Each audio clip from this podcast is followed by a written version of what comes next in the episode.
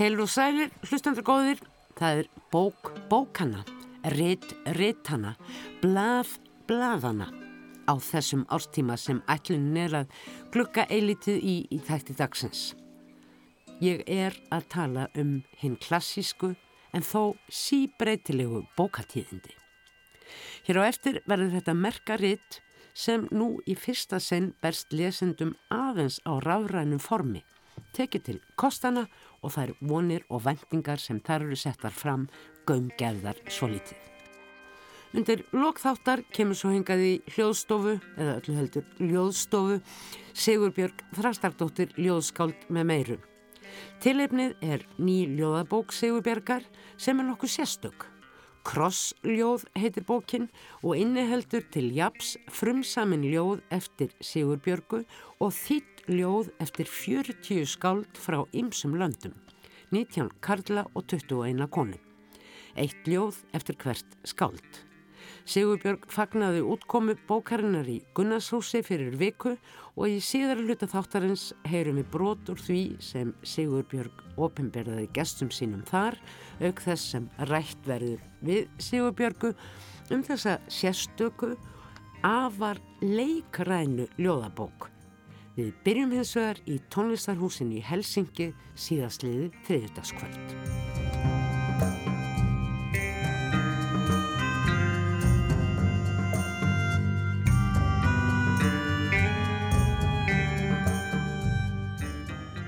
Það var mikilvæg dyrðir á gala samkomu Norðurlandaráðs þegar öll fimm velun ráðsins voru aðfendt. Einn velunina fór eins og kunnugt er til Íslands og er þeim Valdimar Jóhansinni, Hrönn Kristinsdóttur, Söruna Sim, Sjón, Leikurum og aðstandandum öllum óskað hjartanlega til hamingu með velgengni. Dýrsins, frumlega og trublandi kvikmyndaupplifun og framúrskarandi frumrun eins og sagði meðal annars í niðurstöðu domnemdar. Hér í þessum þætti eiga hins vegar orð og bækur huganallan svo að eftirvæntingin síðastliðið þriðudagskvöld beindist ekki síst að bókmenta velununum. Þeim síðustu sem veitt voru þetta kvöld og var það fórsetafrú Finlands Marta Jenny Hákja sem veitti hinn gamalgrónu verlun og undirstrykaði í áarpi sínu meðal annars mikilvægi bókmentana fyrir okkur öll til að skilja okkur sjálf sem og aðra, skilja markbreytileikan sem væri styrkur og ríki dæmi samfélaga okkar. Den hjälper oss inte bara att utveckla vår självförståelse utan också att förstå den andre. Þegar skuggar öryggisleysis, saði fósatafrúin, breyðast yfir þörnumst við boðbera fyrir fjölbreytileikan. Nefnilega ykkur kæru höfundar.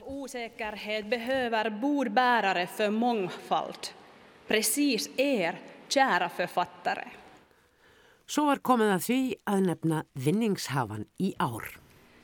Nordiska rådets litteraturpris 2022 tilldelas Solveig Balle från Danmark för romanen om undræðing af rúfang. Já, það var sem sagt hinn danska Solveig Balle sem fjekk bókmentavelun Norðurlandaráðs árið 2022 fyrir fyrstu þrjú bindin af sjö í skáltsagnabálknum omræning af eitt rúmfang.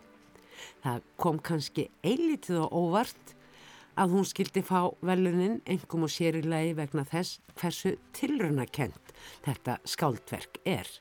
En það er fyrnastert þar sem leikandi léttur tekstin ber uppi jafn alvarlegt og djúbúðugt umfjöldunrefni og tíman sjálfan í heimi hér. Og í niðurstöðu domnemdar sagði meðal annars. I årets vinnande verk möter vi en kvinna som ofrivilligt har stigit av tiden. Aðalpersonan í verki Solveigar Balle om omræning af eitt rúmfang hefur rokkið óviljú frá borðir tímans og veruleiki hennar orðið 18. november, dag eftir dag, aftur og aftur. Aldrei nýr dagur, engin mánaðamót eða ástíðaskipti. Fólkið í kringum hana eldist ekki en gjáinn sem þannig verður til á milli hennar og hinna verður að miklum bókmyndum sem gefur lesandanum færi á að gömgefa tíman. Samtid måste vara en gemensam angelägenhet, även om vi ibland kanske lever i våra egna bubblor. Og ekki bara tíman almennt, heldur samtíman og þau sjónamið sem þar takast á um viðfangsefni á borð við hagvöst, aktivisma og kyn. Gegnum verkið, sagði í domnendal álitunar lókum, skinnjum við að samtíminn er okkur öllum sameiginlegur þótt við lifum kannski stundum hvert í sinni búblu. Jamen, tusind tak. Hjælp.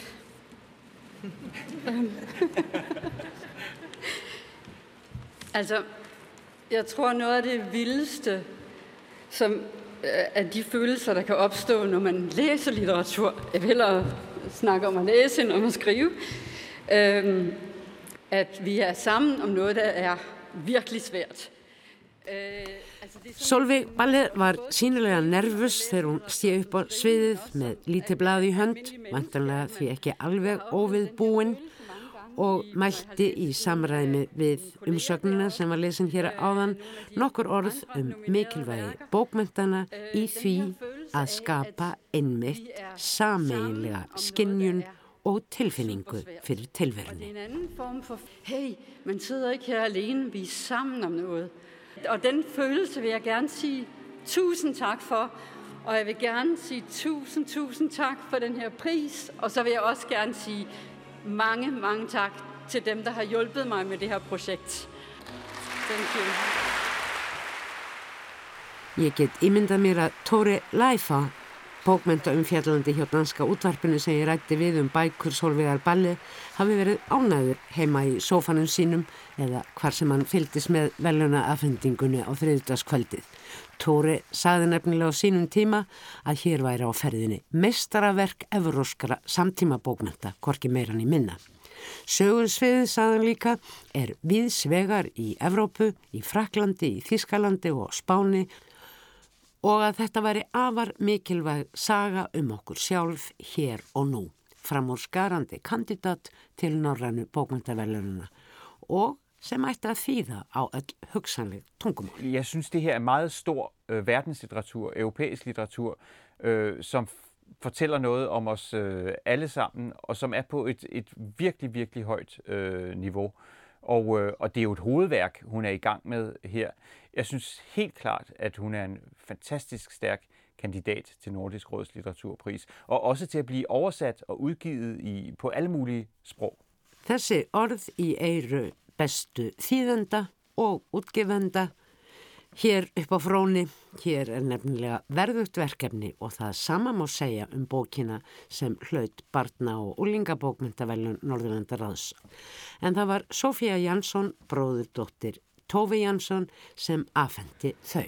Och vinnaren av det Nordiska rådets barn- och ungdomslitteraturpris 2022 är Obesvart anrop av Nora Dåsnes från Norge.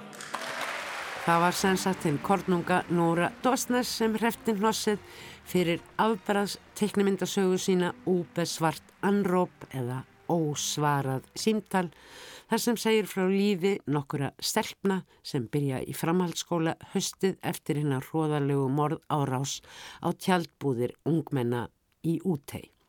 Og eins og komið hefur fram í þessum þætti þá er hér virkilega um einstaka bók að ræða bæði hvað var það teksta og tekningar eins og í grundun domnemdarinnar einnig undirstrykar. Årets prisvinnare är en bok som både engagerar och berör. Den har ett formspråk som är dämpat, konsekvent. Í velunabókinu er varpað fram spurningum sem allir spyrja sig hver er ég og hvaða vægi hafa hugsanir mínar og tilfinningar. Hvernig má snúa aftur til hverstagsins vitandi að ekkert verður eins og það var. Boken avslutas med två meningar fulla av kraft som ett stridsrop Vi har bara varandra og vi har bara nå. Kjarni bókarinnar segir í umsögn dómnefndar byrtist ekki síst í loka orðunum við höfum bara hvert annað og við lifum núna.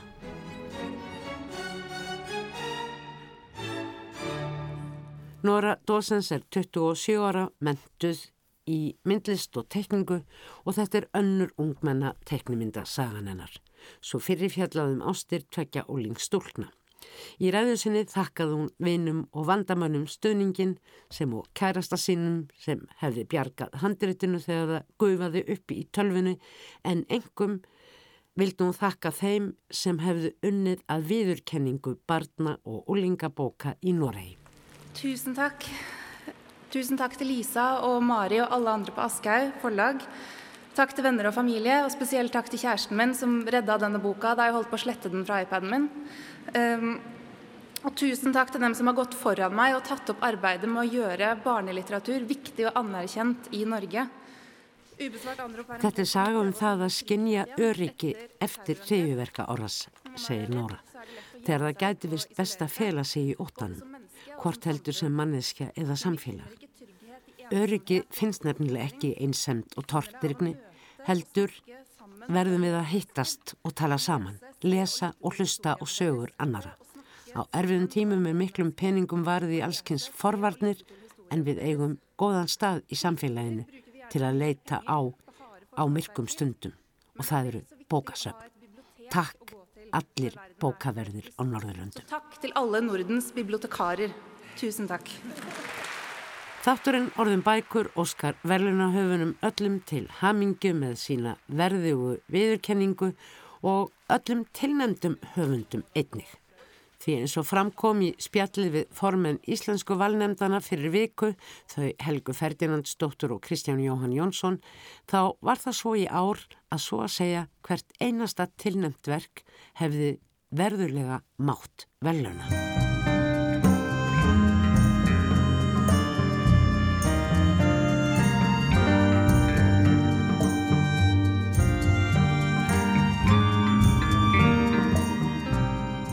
Og þá hingað heim í okkar eigins árlega bókaflóð.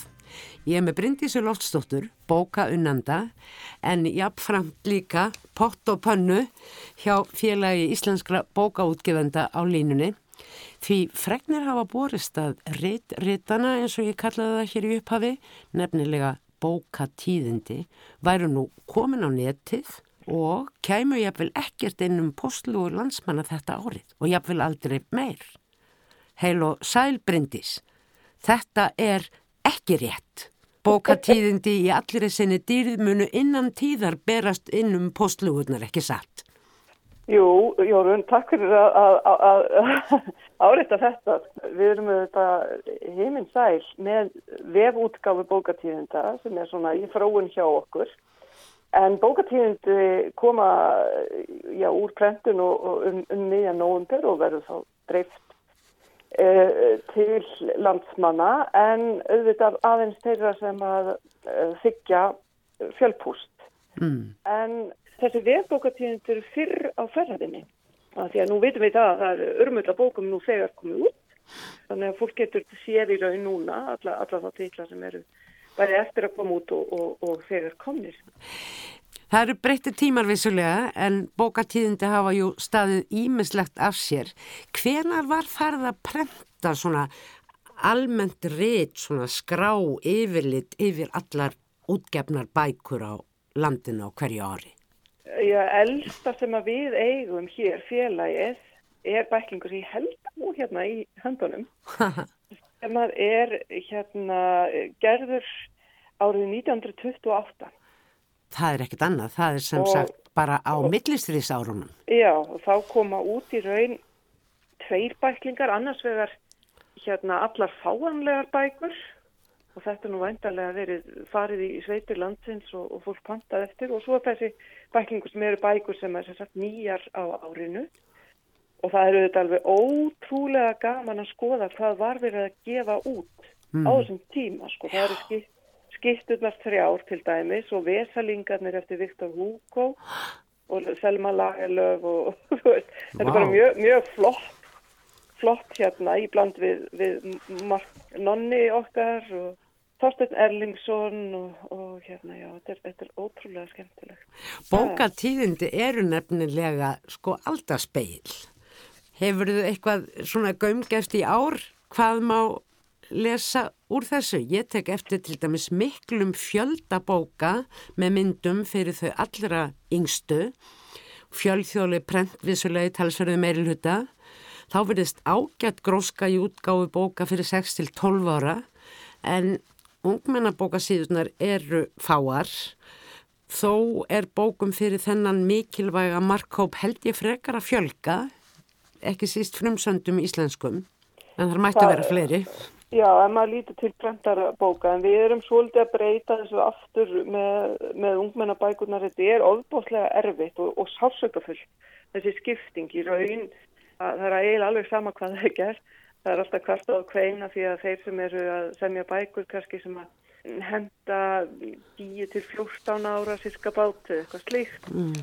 þeir lenda á milliflokka og hvar er að setja bókina og, og allt það og við höfum svona frekar verið að, að lækka þetta aftur og kalla þetta þá bara aftur unglingabækur. En við vorum svona að reyna að búa til flokk sem væri þetta svona speiklaði young adult sem að er svona Eh, eldri ungmenni og, og alveg upp í fullotna bara bækur sem allir hafa gaman af. Ég tek líka eftir að hljóðbækur eru komnar þarna inn með einhvers konar kápumynd en virðast samt ekki koma út sem bækur til þess að halda á. Nei, hljóðbækur virðast nú í dag eða eru nú í dag fyrst og fremst seldar í, í hérna, áskriftarstreymum. áskriftarstreymum eða, eða forlægir er að selja líka stökverk. stökverk sko og, og rafbækur þetta gildir í raun það sama og það er svolítið skekkja hvar hvað mikið er auglýst af hljóð og rafbókum það er minna auglýst af þeim eða, eða, eða kynnt í bókatíðundum í ár heldur en í fyrra okay. en ég held að það sé ekki speill á að það sé minna gefið út prentaða bækur eru hins vegar nánast jafn margar og þær voru í, í fyrra. Mér telst svona um það byl að það er ekki alltaf á vísan að róa sko hvort að bækurnar eru jafnvel endur útgefnar í ár og hafi komið út fyrir einu eða tveimur árum en, en mér sínist að þetta séu svona í kringum 50 ný íslensk fagurbókmæntaverk um það byrju 30 skáldsögur og og eitthvað að hljóðbókum sem eru þá skáldsögur, smásagnarsöfnum það byrjum tíu og einar 15 glæpasögur. Hvað segjur þau um íslensku útgáfuna? Sko það er til dæmis að því þú nefnir smásögur þá er það svona öll vaksandi form skildilega. Nákvæmlega. Glæpasögur eru álíka margar og þær voru, hafa verið síðustu 2-3 ár og, og þær losað í kringum 20 okay. nýjar íslenskar Og, og nýjur höfundar jáfnvel. Og, ný, og nýjur höfundar og, og gaman að segja frá því að nú er félagboka útgefanda búin að taka yfir svona framkvæmdaliðina á blóðdrópanum og nú munum þau verðlun heita Íslensku glæpasagnaverðlunin blóðdrópin og þar verður hérna verðlunanum alveg nákvæmlega eins háttað eins og í Íslensku bókmyndaverðlunanum. Það verður tilnæmt fimm verk fyrsta desember. Og eitt verðlunaverk verður svo valið eftir jól og, og sá glæpa sagna höfundur sem á uh, þá glæpa sögur hlítur blóðdróparinn og eina miljón í veluna fér og með blóðdróparinn fylgir svo þessi, þessi framlægning til norrænu glæpa sagna veluna. Gler líkilsins, ekki svo. Nákvæmlega. Þú svona sem hefur fylst með bókmyndalífinu og, og, og bókmyndunum núna um nokkurt skeið, er þetta ekki orðin bara 20 árið eitthvað svo leiðis en þú er búin að vera í vera að gröta í þessu, ég hef lengri tími. Já, allir hefði byrjað 91 Já, ok, ok, ok.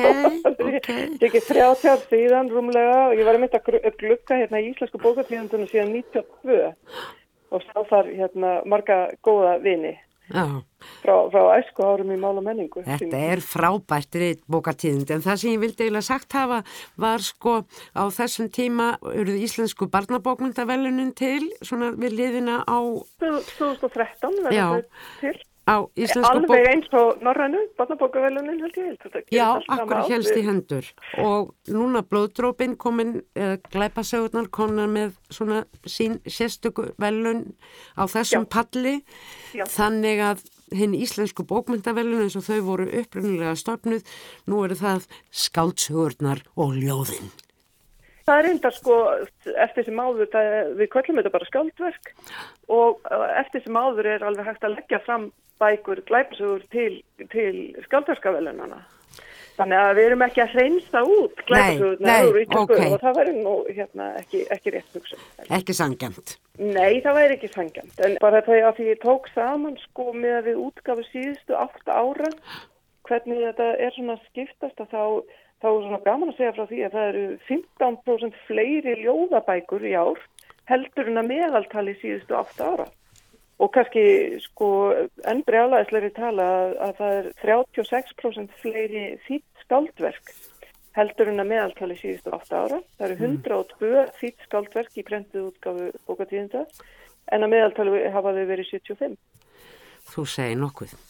Það eru svo spennandi tímar framöndan, Bryndís Lofsdóttir, ekki satt? Þa, það eru rosalega spennandi tímar framöndan og margt framöndan, það eru þetta tilnefning í Íslensku bókmyndavelunana 1. desember. Nú við erum uh, með bókamessu í Hörpu, 27. og 7. november og þá er tilvalið að líta við og helsa upp á höfunda og útgefundur og, og skoða þessa, þessi knektar borð sem að, að bóðið eru á sem að ég er um eitt önnumkafin við að, að, að hérna, svara erlendum fjölmjölum um, um jólabókaflóði sem er að verða einhvers konar ég veit ekki Kurjósum í útlöndum. Já og manni finnst þetta bara svona já þetta er bara svona vennilegt sko. þetta mm. er bara svona hluta tilverinu hér en þeir finnst þetta ákvæmlega merkilegt og, og hérna þeir sjá þetta fyrir sér eins og þetta sé stóri aldar sem skelli hér á landi. Það mm. kannski er í einhverjum andanskilningi Við segjum bara hurra fyrir bókmyndunum Takk fyrir spjallið. Takk sem við leiðis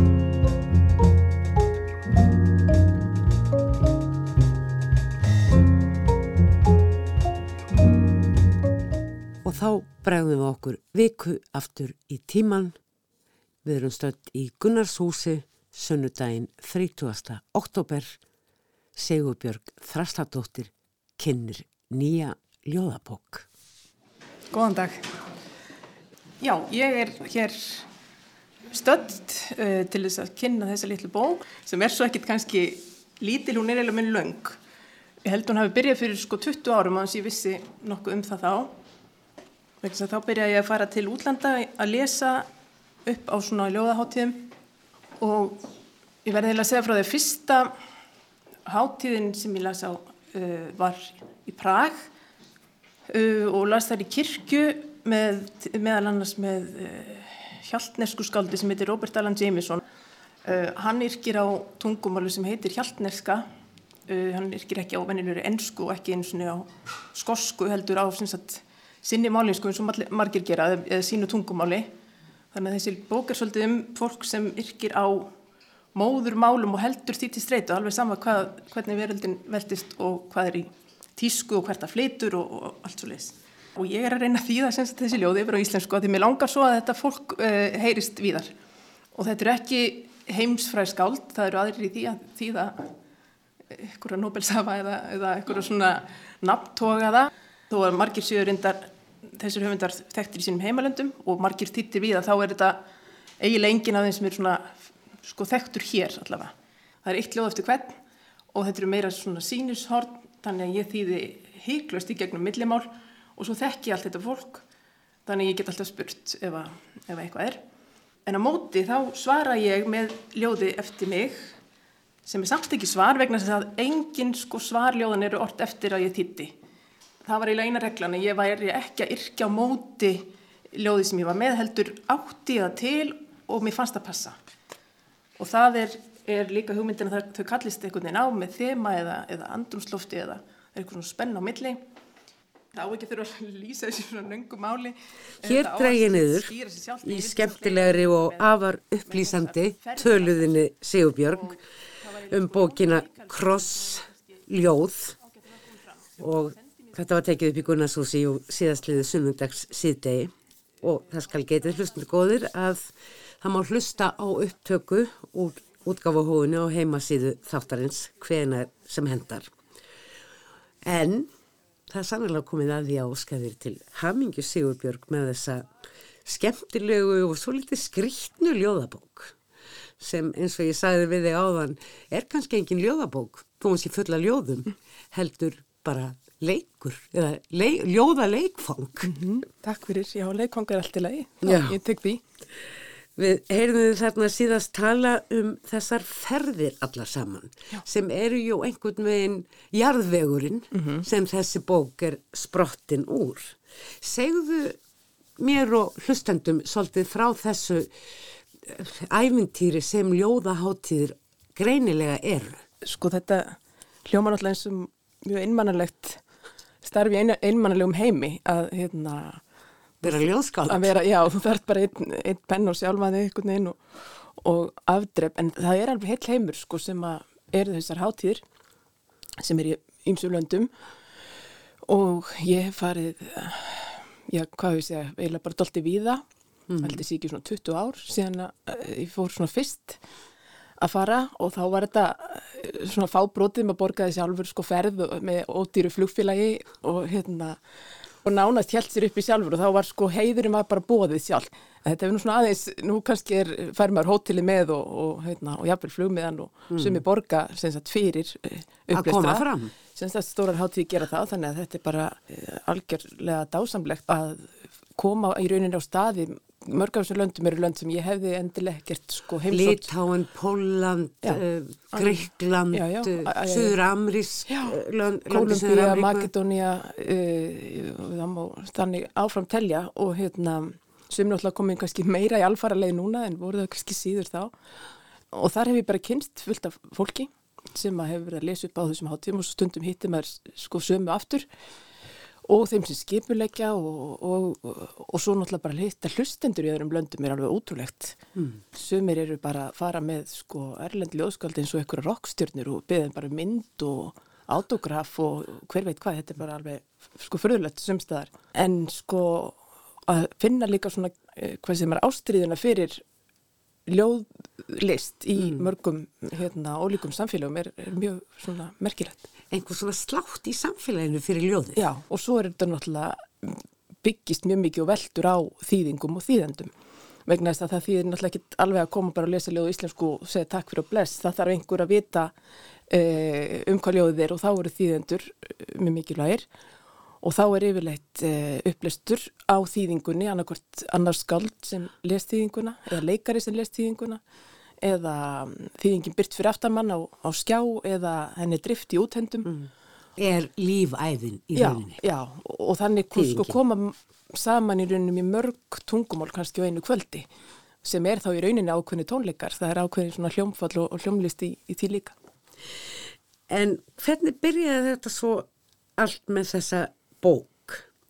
Hvernig dættir þetta í hug? Varst það búið til tilgang til þess að henda reyður á öllum þessum skáldum og ljóðafundum í gegnum tíðina? Að það er ekki allt saman bara napspjöld og netföng og bækur á þér miskilinlegum tungumálum? Sko kannski er það svona eftir áhyggja er það tilgangurinn líka og einhver leiti kannski að svona gefa eitthvað tilbaka og ég hef ekkit verið að hugsa um það endilega á leiðinni, ég er svona fatta þetta eiginlega núna og, og svolítið svona já að gefa eitthvað kannski tilbaka eða, eða miðla einhvern veginn því sem að því, þetta verið svona mikil hvað ég segja, kannski bara mikilvægur svona þáttur bara minni svona eigin mentun í rauninni, að, að vita bara til dæmis um, ég meina ég vissi ekki að það væri til mál sem heiti frísneska eða hjaltneska eða maltneska, ég meina það er alltaf búið að hamraði þegar maður er lítil eitthvað svona já íslenskan er, er viðkvæm og hún er lítil og mikil, mikilvægast að litla mál heims einhvern veginn mm. fannst manni en það er mjög mörgunur mikilvæg lítil mál sem að er í rauninni sömustöðu við berjast fyrir sko okkar bara í rauninni tilvist og, og framvindu uh, í svona svolítið alþjóða vætum heimi þannig að við hefum svona mjög marga uh, hvað sem er svona sálufélagi eða liðsmenn í, í því í svona tungumála heiminum í rauninni mm. En svo fór ég bara óvart, sko, aðalsteinn Ásberg bæði með maður þýða fyrir nokkrum árum ljóð eftir Simon Armitage. Þannig að þetta voru þýðingar sem stúr ennsku og ég sagði alltaf, ég menn, ef ekki verið að þýða neitt, það sagði, vilt ekki bara prófa að gera þetta? Og ég gerði þá og kom út lítið hver hjá dimmu vegna þess að Simon var að koma hérna í heimsókn En svo fór ég eitthvað að hugsa þetta, þetta var ekkit rétt hjá mér, ég hef ekkit verið að þýða. Ég var hérna með pistla í útvarpinu sem hitti á út í skónum og það alveg komið fyrir að ég þýtti eitthvað ljóð sem áttu við efnið og, og flutti bara í þessum pistlum og ég fór svona einhvern veginn að taka þetta saman, þá hafði ég oft verið eitthvað að gera svona, mm. en það var ekkit svona ofinbyrlega. Ég fór að stefna því saman og bara einhvern veginn að hugsa til allra þessara svona vina og kunningja í þessum bransa og ég ánáttúrulega fylgta bókum sem að mér hafa verið gefnar og, og ég eiginlega get ekkert svaraði hvernig öðru leiti þetta byrja, ég bara byrjaði að þýða. Þú segir hérna í stöttum og mjög skemmtilegum eftirmála, hefur lúmska líðveldi er yfirskriftans og vittnar í hugssjónamannin Stephen Watts að þýðingar séu senn staðbundin aðgerð og nattræn og í þeim felist svo dásamlega þversögn að það er leiða hjá sér efnislega undir okkur nattvæðingarinnar. Það hrislaði bara einhvern veginn um mig sko þegar mér, ég var mér meðvitið um hvað þýðingar ég er nú sjálf þýtt eru eitthvað stórt hjarta Já. í bara allri menningu. Mm -hmm. Allri menningu. Já. Og einmitt þetta efnislega eða hvað sem er sko það er, ég held að sko fæstir ljóða því endur gera það til dæmis fyrir, fyrir stórar upphæðir Þetta er held ég meiri, miklu meiri, meiri ást. Þetta tekur enga stund. Já, já tímaköpið náttúrulega, já, við fyrir mikið út af það. En ég er náttúrulega verið að taka fram, ég er engin þýðandi samt þó ég sé að fást einhvern veginn við þetta. Ég náttúrulega sumt af þessu þýði ég gegnum önnum mál, hjálparmála því ég tala ekki til dæmis makedónsku. En að því ég þekki höfundana og hefa aðganga nokkrum þýðingum á, á þessum tekstum þá, þá ger ég þetta bara læt vaða vegna þetta er sko líka í rauninni kynning á þessum skaldum Þannig að ef einhverjir sko atvinnu þýðendur eru þarna úti sem að vilja, eins og maður segir, pikk upp einhvern, einhvern hérna, eftirreitis höfund sem er finnað mm. í bókinni, þá, þá gerir þeir það sko. Þannig að þetta er eiginlega bara til þess að flytja inn fleiri rattir. Við skulum heyra tvær af þessum röttum, annars vegar rött Læju Martínez í López frá Majorku og hins vegar Móniku Osprong frá Norri. Þetta ljóð er eftir Læju Martínez López, hún býr, er fætt á Mallorca sem er eh, mikil bókmynda eiga. Það er svo mikið kjöt í martröðum mínum. Það er svo mikið kjöt í martröðum mínum að ég vakna í sveitabadi. Líkt og ég hefði leittið inn í regntímabil Indlands. Og ég man ekkert annað en lykt, hljómin í röttinni, sítar og ég er tignarlega kýr sem færi mig deginum sem fórn. Og á móti þessu ljóði er mitt ljóð sem heitir Hí á húsbíli og það er svona hverstasleikin er mesta undrið. Það er vorbjart á vorin, kýðlingar tippla um spelkulöysir og franskar konur komast upp með að vera flatbrústa. Í skoskum bókum deyir alltaf einhver sem heitir Angus. Sjálfur hefur maður vanist því sídægris að leggjast fyrir hunda og manna fætur eins og bandsöguð, barinn og burstuð eik. Barnet sier Jeg ser en flokk bevege seg over himmelen. Det er fugler og pelsdyr som har bitt og kloret seg fast i hverandre så de blir til en slags sky, tett koblet sammen alle kroppene, til et stort mørke av fjær og pels, klør og nebb. Jeg vet ikke om de klamrer seg til hverandre av skrekk eller kjærlighet, eller om de biter og klorer hverandre av hat. Ingenting er rødt, alt er svart. Svart som pels, bær. Takk. Uppspunnið barnbrot. Barnið segir Ég sé sveim þokkast yfir himinin, það eru fugglar og loðdýr sem hafa bitið og læst sig hvert í annað Þau eru orðinni að eins konar skýi. Allir skrokkarnir niklaðir saman í eitt risastort myrkur úr fjöðrum, feldi, klóm og gokkum. Ég veit ekki hvort þau hanga hvert í öðru af óta eða ást eða hvort þau býta og klóra af hatri.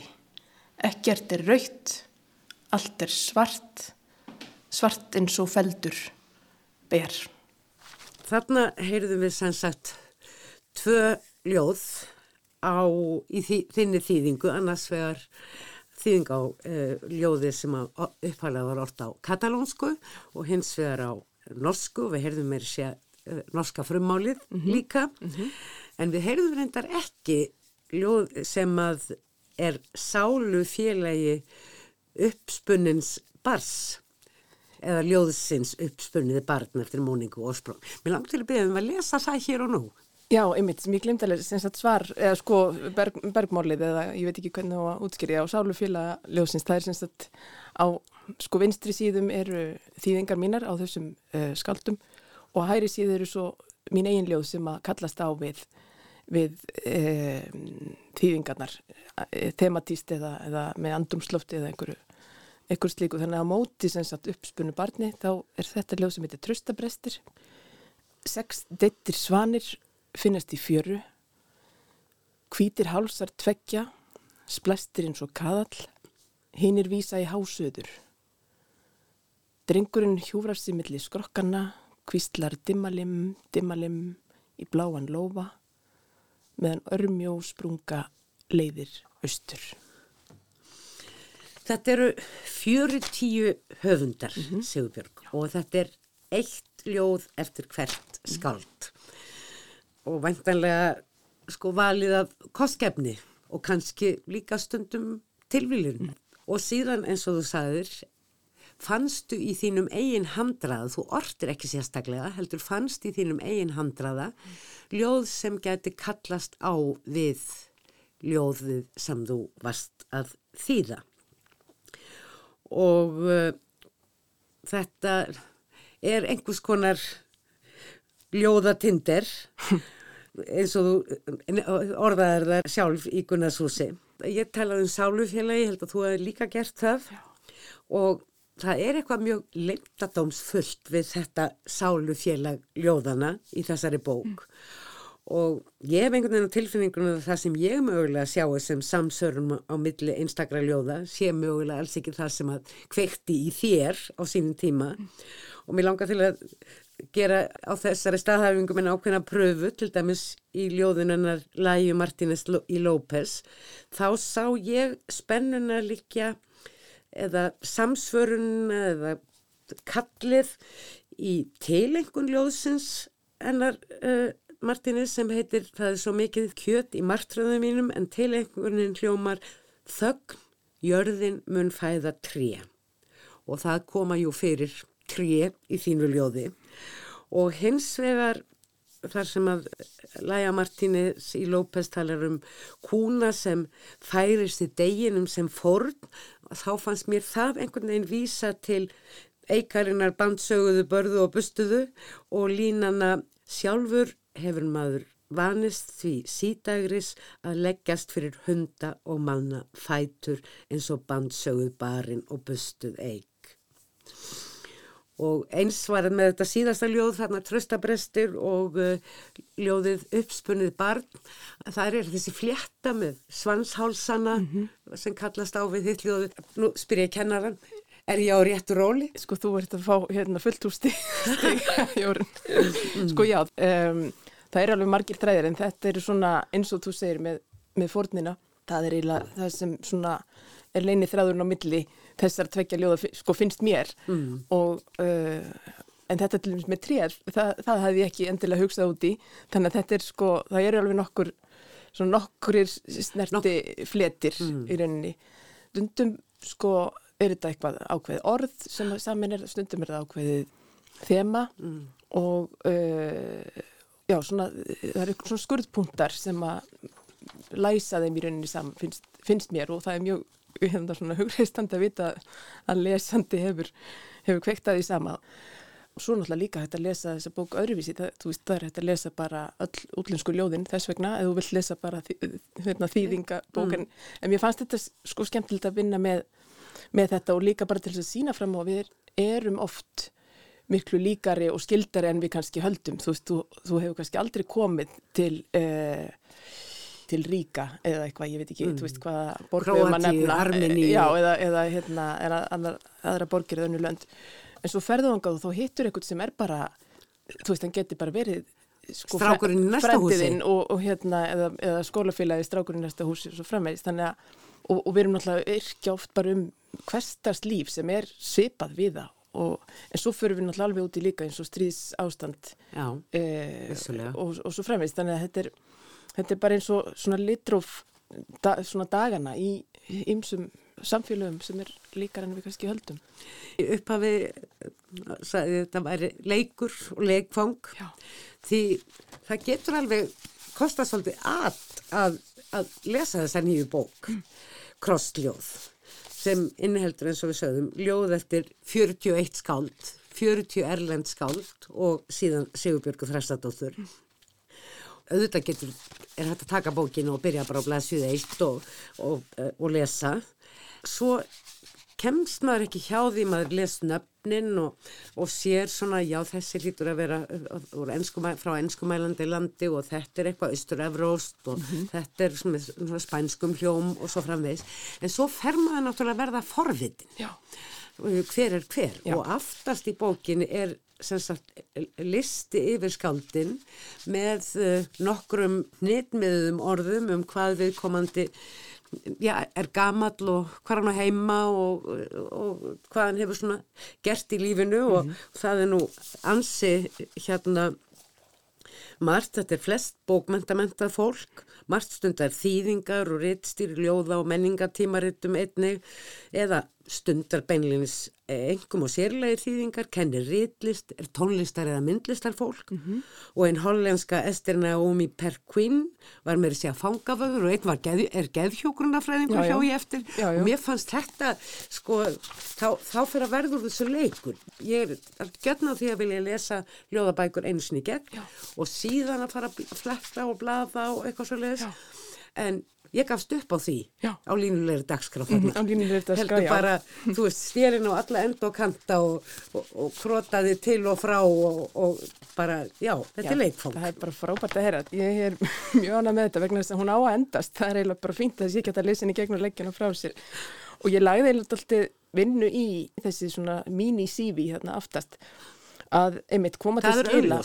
Koma svolítið til skila bara hvernig eiginlega fólk þetta er það er svo oft list upp höfunda þá er verið að sko list upp bækur þessi bók kom út þetta ár Þessi þessi, þessi og- bók út þessi ár og þetta, þessi verðlun og þetta verður svo stakklkend og það segir vola lítið þannig að ég var einhvern veginn að reyna að Búa að til svona- andrúmsloft. já, svona gefa og mér kannski finnst þeir hafa tekst það Já, takk fyrir. Það hérna og líka, náttúrulega fólk líka gerir annað en að skrifa. Það er í mitt, eins og segir, í hljómsveitum og, og ymsu svona öðru, öðru stúsi og svo kemur fram í rauninni hjá hverju meginu á hvaða sko málið það yrkir í rauninni, á hvaða móðumáli. Mér langar til að nefna uh, einhvernur orðbókarinnar Já, sem ég hjó nú strax eftir og fannst halleg Nál mín í húð þinni og uppkvöldaði náttúrulega ekki fyrir dátlu síðar að þetta er titill á einu ljóðana sem þú þýðir, ljóð eftir Elmar Kuiper eða Kuiper, geðhjókrunarfræðing, fættan á Fríslandi. já, Þetta dálítið lýsir er þessu verkefni eða, eða, eða eiginlega kannski frekar uh, dræfinu í því. já, einmitt. Það er svolítið svona eins og, ég veit ekki, við sem kannski að svona flúra í húð hvers annars í rauninni. Þannig að mér fannst það alveg, alveg passa við. Að þetta er eiginlega bara bæði svona, hvað segir maður, persónulegt eiginlega og svo er þetta svona ritrænt. Þannig að þetta er svona bæði um, um hérna, samskipti og um, um, sagt, um skrif. Sigurbjörg Þrastadóttir, þakka þér innilega fyrir. Takk kærlega fyrir mig. Fleiri verða orðum bækur ekki að þessu sinni. Tæknimaður þessa þáttar var Kormákur Marðarsson. Takk fyrir að hlusta hér og nú verði sæl.